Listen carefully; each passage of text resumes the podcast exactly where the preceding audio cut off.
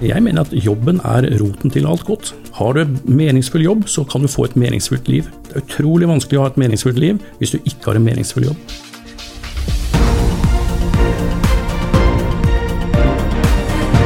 Dette er All In med Oslo Business Forum. Dagens gjest er partner i Ernst Young og er Nordic Talent Leader. Bjørn Wihovde har vært over 20 år i Ernst Young, og før det så var han også over 15 år i Forsvaret. Han leder altså utviklingen på ledernivå for over 2000 ansatte. Han sitter i den nordiske ledergruppen, og jeg er veldig spent på å lære i dag hva Ernst Young egentlig holder på med når de ser på framtidens arbeidsliv. For jeg har kommet over en eh, artikkel i Finansavisen som jeg har lyst til å spørre Bjørn litt nærmere om, og se hva kan vi lære av det. Og Videre også lurer jeg på hva er suksesskriteriene for denne hybride modellen for arbeidsplassen? Og det tredje som vi nok kommer til å komme innom, fungerer en slik fleksibilitet for alle? Så da, Bjørn, velkommen hit. Tusen takk. Da setter vi rett og slett i gang. Hva er dette for noe, Bjørn? Ja, hva er dette for noe? Jeg, jeg, jeg, tror dette er noe av det mest spennende jeg har vært med på på mine 20 år i EY. Og sikkert de 15 første i Forsvaret òg. Jeg, jeg, tror det som skjer nå er en større omveltning enn mange ser for seg. Jeg tror vi har gjort så mange kule erfaringer gjennom pandemien som man ikke uten videre gir slipp på igjen fordi pandemien er over. Så jeg, jeg tror det med hvordan skal fremtidens arbeidsliv se ut, tror jeg opptar utrolig mange. Det gjør det nok, og det med hybrid, slik jeg forstår deg riktig, det, det har med fleksibilitet å gjøre. Av lokasjon og altså, tilgjengelighet så lenge jobben blir gjort, er det vel det man sier. Det, det spiller ingen rolle hvor du gjør det. Hybrid er rett og slett en blanding. Og så er det et ganske nytt ord som er brukt mye nå siden kanskje juni, ikke noe særlig lenge. Eh, hvor alle har begynt å prate om hybrid, og så legger man helt ulike ting i det. Ja, Hva legger dere i det? Ja, Ytterpunktene er jo bare alltid på kontoret og alltid hjemme. Det er ytterpunktene. Og hybrid er imellom, og det kan være så mangt. Og For oss eh, har vi lagt over at dette er 100 full fleksibilitet i når du jobber og hvor du jobber. Det er et veldig kraftig budskap til alle våre ansatte. Har dere sjekket arbeidsmiljøloven fra 1977 når det gjelder akkurat det der? For at uh, arbeid, arbeid, etter klokken 21.00 er jo egentlig ikke lov. Hvis ikke du har unntak fra arbeidslivsbestemmelsene. Det har dere ikke? Nei, jo, vi har noen unntak, men vi er sørgelig klar over det. Vi er en bransje som sliter i forhold til arbeidsmiljøloven. Det har vi gjort lenge i forhold til arbeidstid. Og vi mener at nå håper vi virkelig at arbeidsmiljøloven også følger med i tiden, og er tilpassa fremtidens arbeidsliv. For det er det jo på ingen som helst måte. Hva er det dere ønsker dere da, eller hva er det dere sier nå med full fleksibilitet? Vi sier at du selv er best til å velge hvor du skal jobbe, og så fokuserer vi bare på hva er det du skal gjøre, hvorfor er, har vi ansatt deg? Og Det er tre ting. Det er å være kundeorientert, det er å bygge vår kultur, og det er å utvikle deg og dine kolleger. De tre tingene skal styre deg. Og så skal du da jobbe fra det sted som tilfredsstiller de tre tingene. Ja, og slik jeg hører det, og jeg vet jo, jeg har vært på BI i mange år, som jeg har nevnt for deg, og der er jo et av målene for mange uh, ambisiøs B-student er å bli konsulent. Mm. Ikke at de alltid vet hva det betyr, og, og, jeg vet jo at det er høy turnover i konsulentbransjen. Mange ja. flinke folk kommer innom, og så mm. gjør de andre ting. Så det, ikke, det, passer jo ikke for alle. For mange av altså, de ansatte i konsulenthusene er jo ute i kundeoppdrag, er ikke det riktig? Jo. Det... Så, så har ikke de fleksibilitet allerede, da? Jo, derfor er ikke overgangen veldig stor for oss. Så dette er et signal som er kraftig. Du har full fleksibilitet. Og så vet du at i praksis så er de enten hos kunde, eller de ønsker å være på kontoret. Men den store forskjellen er at de er på kontoret fordi de ønsker det, ikke fordi vi sier de skal være det. Og Det er en veldig stor forskjell. Og Hvordan har dere gjort det praktisk? da? Kan dere gi noen tips her til andre som går og lurer på akkurat det samme? Hvordan gjør dere dette? Må jeg melde fra at jeg i dag har tenkt å være på kontoret, eller i neste uke så Nei, i prinsippet ikke. Men som sagt, dette er såpass nytt, så at uh, nå har de full fleksibilitet. Og så begynner vi nå å se hva er utfordringene med det. Jeg stikker gjerne en tur på kontoret for å treffe de andre. Ja. Når de andre ikke er der, så var jo det bortkasta. Så vi har altså behov for å finne løsninger som gjør at det er en forutsigbar fleksibilitet. Mm -hmm. Som gjør at jeg, jeg, treffer de jeg vil, og da ser vi at teamene selv bestemmer å si at på tirsdag så møtes vi alle sammen. Og Så tar man en handshake på lavt nivå, fremfor at selskapet har en policy som sier at tre dager i uken skal du være der. Ja, for det vet jeg, jeg, jeg hadde en diskusjon med Morten Hansen tidligere i, i denne podkastserien ja. om, om, akkurat dette her, og han snakket jo om denne 2-3-modellen hvor, hvor, det var i hvert fall en tanke om at det er noe kjernetid. Mm. Som, er, som, jeg opplever som en overgang i forhold til det du nå mer radikalt snakker om at man kan bestemme ja, selv. Men så hører jeg også at det er en viss form for uh, regulering i det. At hvis du er på et team, og de fleste jobber vel i et team, så, så må du jo følge litt det teamkulturen legger opp til. Mm. Ellers så faller man jo helt ut av kulturbyggingen, eller? Ja, for det er noen som tror at når vi har hybrid modell og full fleksibilitet, så bryr ikke vi oss om hvor de jobber. Det er helt feil. Vi bryr oss veldig om hvor de jobber. Og vi vil de skal være mye på kontoret. Men kontoret skal være et sted du vil til, ikke et sted du må til. Så det, det, må altså være enten fordi du vil treffe kollegaene dine, og da kommer du naturlig. eller at måten vi har designet og lagt opp kontoret til å ha prosjektrom, innovative rom, dynamiske vegger, møbler og alt, de tingene gjør at det, er praktisk meg å jobbe på kontoret. Og Det er jo ikke noe nytt i det, egentlig. Altså, konsulentbransjen har jo vært sånn siden du og jeg har levd såpass lenge at vi husker jo på 90-tallet, så var jo fleksibilitet det nye. og Hjemmekontor var flott, og folk kunne sitte i omtrent en hengekøye med en laptop i fanget og jobbe remote, het det den gangen. Og Det høres jo sjokkerende ut for deg som er ung og hører dette ordet. What the fuck, liksom? Har de holdt på med dette før? Ja. Det var jo ikke noe kjempestor suksess. Nei. Det gikk et par år, og så gikk det over. Ja. Husker du det? Ja, jeg husker det godt. Ja. Og vi har snakket om det til hvert år siden også. Og vi snakker om det i hver eneste lille festtale og i hver eneste lille brosjyre. Vi tilbyr fleksibilitet. Men det er en forskjell på hva vi sier, og hva ansatte opplever. Og der tror jeg forskjellen ligger nå. Nå opplever de virkelig det her. Det er iallfall signalene vi får, at de setter utrolig pris på den klare budskapet at her er det helt opp til deg. Og så ser vi at veldig mange av dem kommer på kontoret fem dager i uken. Og likevel er de veldig glad for det signalet. For det er, det, i bunnen ligger en valgfrihet. De har muligheten. Ja, men det var en historiker, Bjørn, som på, på begynnelsen av 2000-tallet skrev, husker hva han het, skrev om at det var en veldig sånn optimisme knyttet fram mot dotcom-krisen. Så var det ekstremt mye overskudd. Det var veldig gode lønninger. Det var enorme ideer om hvordan dette framtidens arbeidsliv skulle bli den gangen. Mm. Og det ligner litt på det jeg i hvert fall fanger opp akkurat nå. Ja. Det er litt sånn derre Ja, dette kommer jo til å bare gå rett inn i himmelen, men virkeligheten er at det er veldig stor usikkerhet også mm. om å plukke altså pick the winners, og ikke minst hvordan man organiserer seg for en framtid hvor man ikke vet hvilke arbeidsplasser som vi, som vi, vet kommer til å overleve, og hvilke som må reinvents. da. Ja. Hvilke tanker har du om det? Nei, jeg tenker at det, det, er vanskelig å navigere i det, fordi det er veldig få svarte og hvite svar, rett og galt. Her må man stole litt på magefølelsen og ha en ganske klar visjon, en retning på hvor er det vi vil hen. Det er dere som skal være med å styre oss på det. Og så må vi tørre å si at dette er et eksperiment. Vi vet ikke helt hvordan det går. Ser vi at det går helt uh, south, så må vi kanskje justere oss inn igjen. Og Det er vi åpne på. Det er ikke noe prestisje i det. Vi har bare sagt at denne gangen, for en gangs skyld, så har vi lyst til å være tidlig ute og si at dette er det vi tror på. Sammen skal vi finne ut hvordan det fungerer i praksis. Enn å kvalitetssikre alt og se hva gjør alle andre, ja da må vi kanskje gjøre det selv også. Nå vil vi gå først. Styr eller bli styrt? Ja, ikke sant. Ja. Jeg har veldig tro på hva det gjør med vår kultur. da. Og dette er en måte for oss å presse ting ned og ut.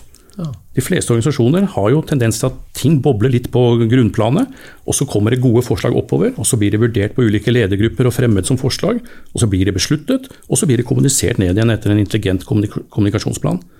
Det er det vi ønsker å få ut nå. Få ansvar nedover, få beslutningsmuligheter nedover. La folk få være med å bestemme litt mer. Lenger ut i organisasjonen og lenger ned. Så får vi se da hvor langt vi kommer der, men det er det vi ønsker dette skal hjelpe oss med. Og, og en ting til, da, siden dette er et stort eksperiment, så er vi avhengig av å lære. Og vi har en trippeleffekt som for oss uh, gjør at vi lærer ganske fort. Det ene er jo at vi uh, både kjører undersøkelser og forskning i markedet ellers, langt utenfor vår egen bransje. I tillegg så lager vi løsninger og jobber med våre kunder. Vi lærer hva kundene gjør, og vi leverer ting til kunder. Og vi tar vår egen medisin. Så vi gjør de samme tingene selv også. Så vi får input fra tre dimensjoner her, som vi kan bruke for å hjelpe oss å navigere i den retningen vi tror er riktig. Da. Nå kommer det antakeligvis til å produsere, men i konsulentbransjen så er jo det en svær maskin. Så lengst ned i den maskinen så jobber du som bare pokker, i håp om å klatre bitte litt opp i karrierestigen. og, og, for de så handler det egentlig ikke om fleksibilitet, det handler om å levere. Ja. Og når du, du, blir målt på alle mulige ting du gjør, og sikkert ting du ikke gjør også. Mm -hmm. Så det jeg er litt sånn nysgjerrig på, er om du allerede nå vet noe om hvordan dette har blitt tatt imot, da. Blant de som kanskje jobber mest og hardest. Ikke til forkleinelse for partnere og andre flinke folk som har vært lenge i Som uh, har lange ferier og sitter mye på hytta og sånn. Ja, ja, ja eksakt sånn jeg ser for meg det. stemmer. men hvordan har det blitt tatt imot? Det vi skal prøve å se også, er at dette mottas veldig forskjellig. Fordi folk rett og slett er forskjellige. Så de unge hos oss de syns det er kult at vi er så offensive på det med fleksibilitet. Men i praksis så har de nå vært sultefòra på sosial interaksjon og jobbe med kolleger, gjøre morsomme ting sammen. Eh, de er tilbake på kontoret nesten fulltid, ja. men syns likevel flott at budskapet er der. Det som har vært en av våre utfordringer, og en av grunnene som du er inne på, at vi har høy turnover, mange forsvinner, er jo at det er ganske krevende mm. å jobbe i konsulentbransjen. Og det er ikke så problematisk når du er 24 år, du er kanskje enslig, du har kanskje samboer, ektefelle, men ikke så stor familie, få forpliktelser. Jeg skal lære mye, jeg skal etablere en karriere, jeg skal bygge nettverk. Da står du på døgnet rundt. Men hvis du ser at dette gir seg jo aldri, blir jeg manager så er det akkurat det samme, og blir jeg partner så er det enda verre. Det er ikke noen fremtidsutsikt. Da går man andre steder. Mm. Nå tror jeg man kan se at fleksibiliteten er der. Så når jeg kommer i andre livsfaser og andre behov, så kan jeg, fordi jeg har barn hjemme, så vil jeg kanskje jobbe hjemme to dager i uken. Jeg vil ikke det i dag, men om tre år så vil jeg ha muligheten til det. Og Det ser ut til at det slår ganske godt an da, hos våre ansatte. Det er et begrep jeg gleder meg til å spørre deg om, for i mange år så har vi snakket om kunnskapssamfunnet. Mm -hmm. du, du, er jo med og leder en kunnskapsbedrift, og dere lever jo av kunnskap som enten skal, skal løse et problem for en kunde, eller kanskje helst skape verdi for en kunde. Ja. Ser du noen forskjell på de, røftlig de 20 årene du har vært? Altså, du kom jo inn rett etter dotcom-krisen, så du, ja, jeg er spent på hva du tenker nå. Jeg er ikke så jævlig happy for det eh, uttrykket selv, selv om jeg jobber i en kunnskapsbedrift. Men det er litt sånn indirekte sier at vi jobber med kunnskap, og det gjør jo ikke andre. Og jeg syns det blir litt feil. Men det som er sært for oss, er at det er det eneste vi har. Vi har ingen produkter, vi har ingen maskiner, vi har liksom ingenting annet. Det er bare brainpower. Uh, og Det gjør at vi må drive vår type virksomhet på en annen måte enn en enkelte andre bransjer. Men, uh, men, i forhold til kunnskap, jeg tror det, det er minst like intenst fokus på kunnskap nå som det var i dotcom og tidligere og ting endrer seg så fort nå at det, du blir utdatert så mye raskere enn du gjorde før. Og det å holde seg relevant, det å sørge for å hele tiden være oppdatert på ting, eh, har blitt eh, en av våre aller største utfordringer. Og Det henger jo sammen med den kulturen du må og skal bygge når du jobber med kunnskapsbedrifter. da. Mm. Jeg er enig med deg, det er et dårlig begrep, men det er jo det vi har, da. Ja, det, ja, ja. Eh, og, og vi vet hva vi mener, stort sett. Så. Ja, det, så lenge vi snakker omtrent om det samme. Og, og, du var litt inne på det i sted, at for unge mennesker som har vært sultefòret på sosial kontakt, så er dette her nå en, med den fleksibiliteten, så kan de velge men det kan jo også utfordre arenaene for å dele kunnskap. Mm. Når vi var i, sammen på Oslo Business Forum, så ble det jo snakket om at um, En som snakket om at var, det, lederne delte seg inn i tre, altså tre grovkategorier. Og en av de grovkategoriene leder de ønsker folk tilbake på kontoret for å drive en form for kontroll. Mm. Også på hva de lærer seg av nye ting, og hva de deler. Hva er ditt uh, perspektiv på dette? Jeg, jeg, jeg, jeg Botsman for øvrig, nå kom jeg på det. Oh, ja. jeg, jeg, hørte ikke på den, så jeg kjenner ikke de, de hvilke tre, men jeg kjenner igjen den ulike typene av ledere hos oss også. Og det er de som er vant til at eh, jeg må se dem for å stole på dem. Mm. Vi må innrømme det, de har også vi. Og eh, vi har også veldig mange som er ekstremt foroverlent i forhold til teknologi og de moderne løsningene. Og så har vi kanskje de som er litt mer på midten, da, som er litt mer fleksible og litt nysgjerrige.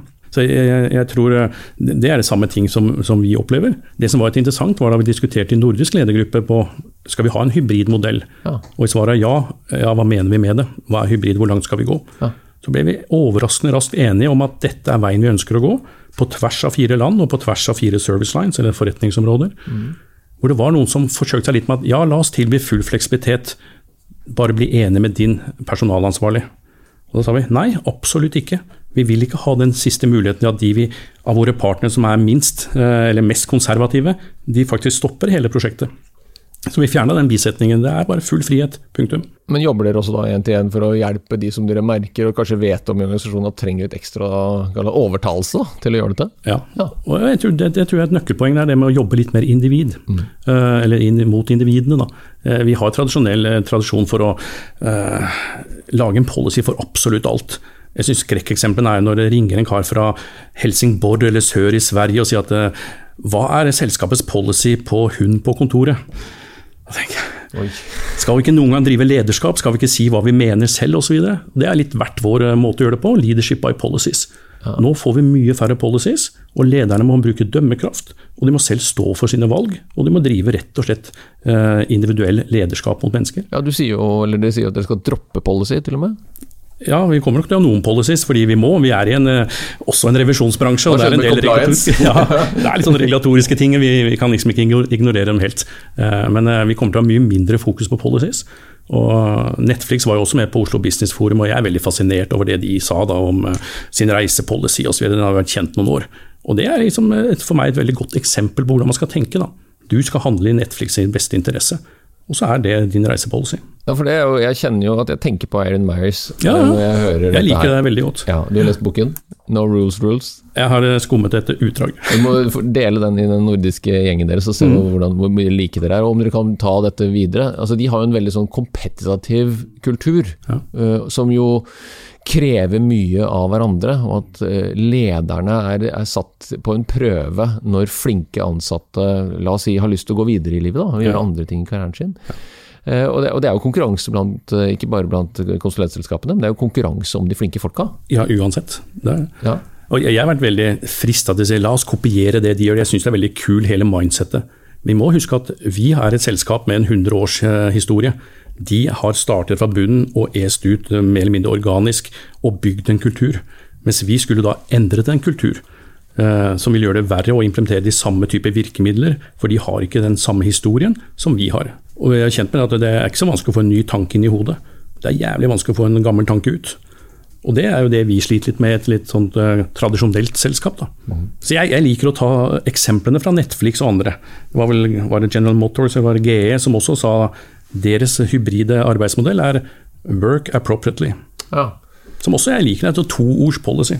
Ja, og så er det Jeg kjenner jo for mange tanker i hodet mitt, for at vi, vi, vi, vi tenderer jo til Vi trenger jo selskaper som er litt uh, bolde, som er det dårlige norske ordet, og som er litt modige, og som ja. tør å si at dette gjør vi nå. Og så er jo du tydelig på at det går an å reversere det. Og mm. det er klart med mange flinke folk som løser problemer for oppdragsgivere og kunder, så får man jo en del Jeg tror Anita Trond Crosset brukte begrepet lytteposter. Ja, så man kan sjekke av ute hos partner, eller kunder hvordan dette blir oppfattet og så ta med seg tilbake igjen til moderskipet og diskutere det med, med kollegaene sine? Og nettopp da, Derfor blir utfordringen mer å få i gang disse kontaktpunktene og kommunikasjonen til og fra moderskipet. Da, og sørge for at enhver liten leder på et team, på en avdeling, på et forretningsområde, alt er ordentlig knytta sammen. Og vi fanger opp signaler, fanger opp synspunkter, erfaringer, gode ideer. Ikke bare alle spørsmålene, men alle svarene også. Mm. Eh, får vi det til å fungere, så vil dette boble og fungere. Og vi har altså i Norden 8000, vi har 2000 i Norge.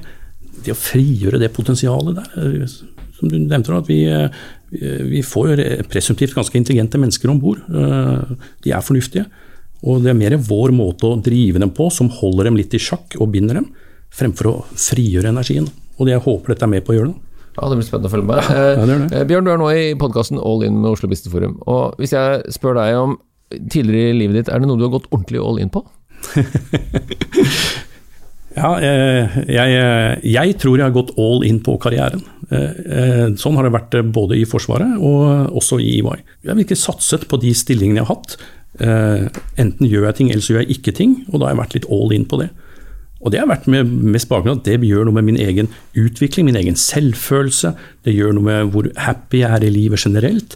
Det gir meg de muligheter og frihet til resten av livet, til å bygge familie. Jeg har fantastisk familie, fantastiske unger. Men jeg mener at jobben er roten til alt godt. Har du en meningsfull jobb, så kan du få et meningsfullt liv. Det er utrolig vanskelig å ha et meningsfullt liv hvis du ikke har en meningsfull jobb. Og Det syns jeg er et av våre største samfunnsoppdrag. Det er å få folk inn i jobb. Hjelp dem gjennom skolene. Få de nyutdannede inn i jobb. Eh, de tingene syns jeg er det viktig vi skal bidra med. Da. Men nå da, som du er partner i et av de største konsulenthusene i hele verden, faktisk, og, og, er med på å påvirke retningen her i Norden, og har antageligvis en ganske stor impact internt, for du jobber jo med lederne på alle nivåer hos uh, EY, mm. så jo, blir jeg jo sånn litt nysgjerrig når du tenker liksom på, på neste, ditt neste steg da, i, i din karriere nå. Mm. Sier du det samme til disse unge menneskene som du sa til deg sjøl? At de må satse på karrieren? Ja, jeg sier, jeg sier, ofte det at dette er roten til alt godt. fordi dette gir deg den økonomiske friheten, det gir deg din selvrealisering, du bygger deg selv, du får selvtillit. Alle de tingene som er viktige for å ha det bra i resten av livet, det er viktig. Men samtidig er jeg veldig åpen på at de vil, for dem vil karriere bety noe annet enn det gjorde for meg for 30 år siden. Eh, de vil kanskje variere mer i hvor de jobber, de vil flytte mer på seg. Jeg er mer uvanlig i neste generasjon. At du skal jobbe 21 år et sted eller 15 år et sted. Det vil ikke så mange av dem gjøre. Samtidig så er min klare erfaring gjennom alle disse årene at det har vært en veldig utvikling i de nye kullene vi ansetter, på hva de er opptatt av. Og Det er ingen tvil om at disse vi nå ansetter, er for det første langt smartere enn det vi var. Det er veldig få av min generasjon som ville fått jobb i dag hvis vi hadde søkt som nyutdannede. Det andre er at de er langt mer bevisste, både i forhold til egen helse, hva de spiser, at de trener, mye mer enn vi var. Litt, eh, ja, De fester fortsatt mye, men det er ikke det eneste i livet. Det er ikke bare en kasse øl, og så er det moro. Så de, de er langt mer bevisste. De vil være med å bidra på de store spørsmålene i samfunnet. Alt fra likhet, eh, flyktningkrisen, rasisme De vil at vi skal engasjere oss i sånt. Da. Og der var jo ikke vi da, vi, da jeg starta min karriere. Nei. Jeg, jeg, har jo litt sånn, jeg prøver å følge med på dette her sjøl. For at en ting er de du snakker om nå, er millennialsene og de som kanskje kan defineres som generasjon Z. Ja. Men de alfaene som kommer, Bjørn. Hvis du mm. leser Ungdata-rapportene som kommer, og de som ser på, har lytteposter, de som er yngre igjen, mm. de er enda mer bekymra. De er veldig konservative i sin holdning til hva mm. de ønsker seg for livet sitt. De ønsker det motsatte av det du og jeg tror at de vil. Ja. De vil ha én jobb, de vil ha én partner, de vil ha slutt på alt det der røret med at det skal være så mye endringer. Og, og, det er en sånn Vi vet jo opp gjennom historien at ting tenderer til å pendle. Mm. Så for å utfordre deg litt ekstra, da, den der fleksibiliteten ja. Kan motpolen til den fleksibiliteten, etter selvfølgelig et eksternt sjokk eller en korreksjon eller et eller annet som skjer, være det totalt motsatte? Mye mer stringent, mye mer forutsigbart mye mer orientert mot én ting. Mm. Fordi nemlig at generalistenes tid er jo på hell. Ja. Vi er nødt til på, på veldig detaljnivå kunne løse problemer med folk som er mye mye flinkere enn oss på ting vi egentlig ikke skjønner hva de holder på med engang. Vi snakker ja. om å utvikle løsninger, ja. og vi snakka litt før vi begynte å ta opp dette her med kunstig intelligens og kunstig det er. Det er fellesnevner for det. De er. Ja. vi skjønner jo ikke det i det hele tatt. Og det er veldig sårbart i tillegg. Ja. For når det, å, eller når det ikke fungerer, mm. hvem er da ansvarlig for at kan, samfunnet som vi velger å stole på, mm. er bygd opp av byggeklosser som vi ikke har kontroll over? Hvilke tanker har du om dette? Nei, jeg tenker, helt, eh, For meg er det helt opplagt at dette er ikke en lineær utvikling. Og at eh, nå har vi fleksibilitet, og så blir det enda mer fleksibilitet og enda mer. Dette kommer til å gå i bølger. Mm. Og vi er jo bare rett og slett et resultat av samfunnet rundt oss. Hva er det som skjer rundt oss? Og det påvirker hva vi ønsker, og hva vi vil, og hva vi gjør. Og noe går i bølger, noe går til og med i sirkler. Jeg er ganske overbevist at dette kommer til å bli en backlash. Nå drar vi pendelen ut i forhold til fleksibilitet. Så kommer folk til å mistrives med det. De, mister, de, har, de, er rotløse, de vet ikke hvem de hører sammen med, de vet ikke hva de skal gjøre, ting er uklart. Så vil det svinge litt tilbake igjen. Så at dette vil bevege seg, det er jeg helt overbevist om. Når kommer det? Når skal vi ha cellekontoret? Jeg håper jeg håper venter fire-fem år da, til jeg er ferdig. Nei, jeg, jeg, tror, jeg, tror, det går lengre tid, og jeg tror heller ikke pendelen går helt tilbake igjen. Eh, men jeg tror vi driver og toucher litt på noen ytterpunkter nå, og som jeg tror er veldig viktig for å eksperimentere. Så må du tørre å bryte litt av grensene i boksen. Så går du litt for langt, og da går du litt tilbake igjen enn, en å bevege seg med museskritt. Men er det riktig av meg å fange opp at dere har også utviklet noen verktøy for dette her? Altså for å håndtere denne her hybride modellen hos? Eh, ja, for, for, ofte blir disse diskusjonene litt endimensjonale. Så det, skal jeg være på kontor eller hjemme? Ja, ja, ja. Og så blir det kanskje ja, eh, hva skal lederen gjøre osv. Hvordan skal kontoret se Men vi, eh, vi ser at det er tre dimensjoner vi må jobbe sammen med. Det ene er hvordan skal kontoret se ut, og hvorfor har vi kontorer? Mm. Det andre er hvilke tekniske hjelpemidler har vi for å få til den digitale arbeidsplassen? Og det tredje, som er kanskje det aller viktigste, det er jo denne atferden på ledere og på medarbeidere. Mm. Men til spørsmål om teknologiske løsninger, så ser vi at vi er egentlig på steinaldernivå når det gjelder å fungere effektivt digitalt. Mm. Vi klarer å sende e-post, vi klarer å være på Teams-møter. Vi kan ringe, vi kan sende tekst, vi har kanskje Snapchat, vi har Instagram, vi har ulike sosiale medier. Da, eh, Men det er egentlig veldig, veldig enkelt. Det som vil komme, er jo helt andre løsninger for å samarbeide effektivt uten å sitte sammen. Mm. Eller det som er enda verre, hybride møter osv. Når noen er på et møterom, og noen er ikke på et møterom. De tingene begynner å bli utfordrende når du har dårlig teknologi, du har én dårlig speakerphone som de hører litt dårlig på, de som sitter borte, du ser dem ikke på skjermen. Her får vi helt nye løsninger, som noen selskaper har, men eh, som vi òg kommer til å ha mer av. Ja, er dere i gang allerede da? Vi er i gang med en del av disse tingene. Eh, det koster litt penger. Og så er det jo så enkle ting som leveranseproblemer i dag. Over hele verden er det jo supply chain-utfordringer eh, på alle bransjer. Men med det som vi jobber med selv for å utvikle som jeg, jeg syns er spennende, det er hjelp til å ha litt forutsigbar fleksibilitet. Hjelp til å skjønne når burde jeg være på kontoret, når burde jeg være hjemme, for å få maks effekt ut av denne fleksibiliteten. Hva er det for noe? Så Vi driver da og prøver å utvikle en app basert på Microsoft-plattformen, og litt i samarbeid med Microsoft, som skal være med å gi deg råd om eh, hvor bør du jobbe eh, neste uke. Den eh, går igjennom din kalender og kommer med forslag til, basert på de møtetyper du har, de mennesker du skal være sammen med, så foreslår vi følgende. Og Da får du en tips om at onsdag så bør du nå komme til kontoret, og du bør jobbe i sjuende etasje. Der sitter åtte av dine nærmeste kolleger. Eh, tirsdag så har du så mye møter, og da kan du like gjerne sitte hjemme. På mandag så ser jeg at du har satt opp håndverker i eh, din kalender, da trenger du antagelig å være hjemme. Så får du forslag da, på hvor du bør jobbe hen, som du får mest effekt ut av det. Og Jeg, jeg syns ideen er kul, og så får vi se hvor langt vi trekker de bitene. Men vi ser at vi trenger hjelp til å skape litt forutsigbarhet. Hvis du og jeg jobber sammen, og du velger å være hjemme tre dager i uken, og jeg er hjemme tre dager i uken, og så skal vi to dager inn på kontoret for å treffes, så er sjansen for at du og jeg treffes, er 12% Så jeg har stor sjanse for å bli skuffa. Jeg skulle møte Thor, han var ikke her i dag. Jeg prøver igjen i morgen. Sånn kan vi ikke ha det. Kan jeg legge ned som en sånn forutsetning i, i appen min, at jeg gjerne vil møte Bjørn? Eller ikke møte Bjørn? du kan defriende, ja, ja, ikke sant. Nei, ja, den første er så klart ja, og den andre er en ganske kul måte. For, for, du skal jo definere dine nærmeste kontakter, og det kan du gjøre, og så må de akseptere at du legger dem som nærmeste kontakter. Eh, så du kan jo da la være å akseptere noe, jeg legger inn deg. Da. Det å ta intranettet til en slags uh, assistent, det er jo det, det, vi snakker om nå. Altså, ja. Du har tilgang til informasjon og workbooken din, og så får du en slags eh, hjelp til å organisere det praktiske rundt det. Ja. Kjenner du til Alex Huxley? Den fantastiske fabelen fra 30-tallet, 'Brave New World'? Mm. Nei, det gjorde ikke. Den bør du lese, Bjørn. For det, den, eh, den har en sånn idé om et sånn dystopisk samfunn som er rangert ja, ja. etter hva slags ressurser disse menneskene har tilgang til. Ja, jo, jeg har vært borte med den ganske lenge siden. Ja, det er fra 30-tallet, så det er en stund siden. Ja, det var ikke da, men, eh, men den er høyaktuell i hvordan vi tenker oss at vi skal organisere kunnskapskapitalen vår da, mm. inn i framtiden. Jeg, jeg, liker jo veldig godt det du snakker om, og jeg, og jeg tror det er jo fullt og helt at mm. man ønsker å bidra til å løse samfunnsproblemene vi står overfor. Og så er det jo fascinerende å høre deg snakke om, om de unge som på egen hånd finner sammen, mm. mens de kanskje litt eldre de, de, vet de kanskje ikke trenger den der fysiske møtepunktet. Er det riktig ja. oppfattet? Ja, det er, så, det er vår erfaring på det. Så det er de som flekser, altså? Ja.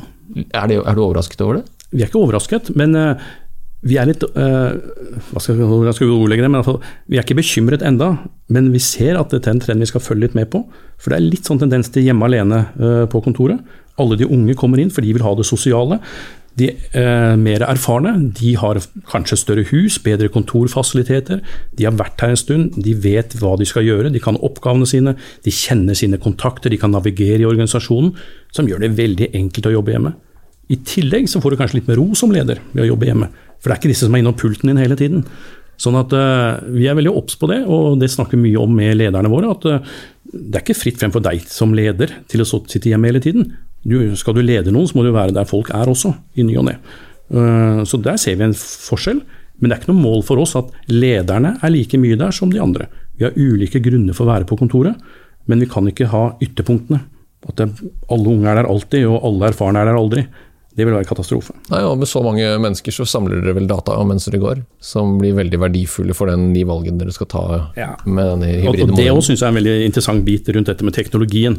Én uh, ting er å ha surveys og spørre folk hele tiden. Jo, jeg har tenkt å være på kontoret fire dager i uken, eller å, jeg er i møter hele tiden, og jeg har 1000 mail. Når du da kobler på sensorer og Workplace Analytics og litt forskjellig, så ser du nei, det er 40% belegg. Når folk sier det er fullt på kontoret, så er det 40% som er tatt, egentlig. For det er sensor på stolene. Du måler mailtrafikken og sier at nei, i snitt hadde man 37 mail, det er jo ikke all verden. Eller eh, du satt i møter 20 av forrige uke. Så det, liksom, er ikke i møter hele tiden. Så det å blande inn litt fakta i diskusjonen, og ikke bare eh, egen rapportering av hva de syns, Eh, det, det syns vi er litt interessant. Dette var mye enklere før i tiden. For det som hører på nå, ja. hører den gamle foreleseren og høyskolelektoren prater nå, så professorene hadde jo kunnet skrive 'opptatt' i kalenderen sin hele tiden. For at de forsket jo, de tenkte jo.